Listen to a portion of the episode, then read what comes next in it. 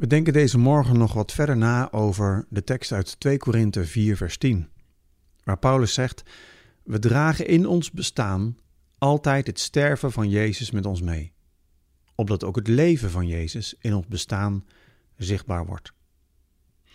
Het kruis is niet alleen iets dat te maken heeft met de moeilijkheden die Paulus in zijn leven ervaart, omdat hij Jezus volgt.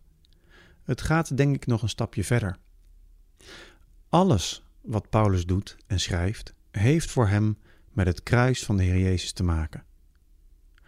Eigenlijk maakt Paulus alles wat hij zegt en doet vast aan het kruis van Jezus. En dat heeft denk ik te maken met iets heel belangrijks wat we ontdekken in het Nieuw Testament, niet alleen bij Paulus.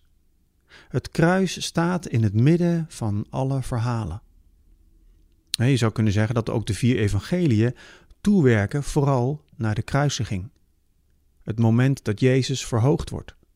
Niet het verheffen naar de hemel, maar het verheffen op het kruis. De tijd waarop Jezus zegt: Nu is mijn tijd gekomen. Dat kruis staat in het centrum van het Nieuwe Testament. En dan is natuurlijk de vraag: waarom is dat kruis dan zo belangrijk? Nu weet je hoe dat komt? Het komt omdat je in het kruis pas echt ontdekt wie God is. Daar zie je volgens mij de kern. Daar ontmoet je Gods liefde. De liefde die zichzelf geeft, de liefde die zichzelf verlogent, de liefde die de dood trotseert om leven te geven. In het kruis ontmoet je vergeving. Daar zie je Gods hart, Gods manier om de wereld aan te raken en te redden. Gods liefde heeft de vorm van een kruis.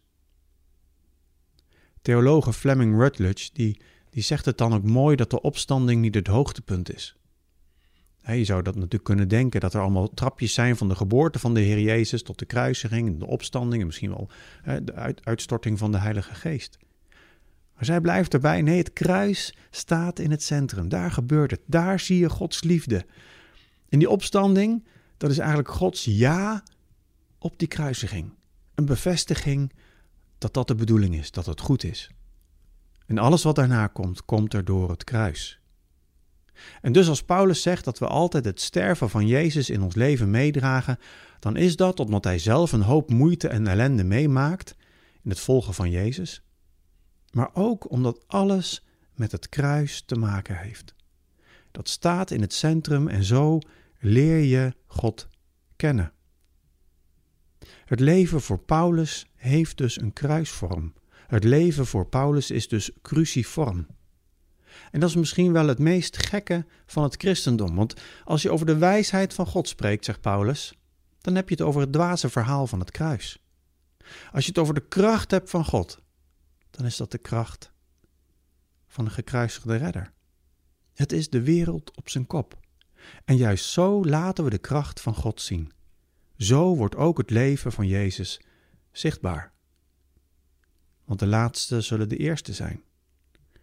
We worden gevraagd om zeven keer zeventig keer te vergeven. En je naaste lief te hebben als jezelf. En je leven te geven voor een ander. En je wang toe te keren als iemand je slaat. En Jezus vraagt dus ook van ons, van jou en mij vandaag, om iets van die dwaasheid, van die zwakheid van dat kruis, elke dag met ons mee te dragen. Heb een goede dag.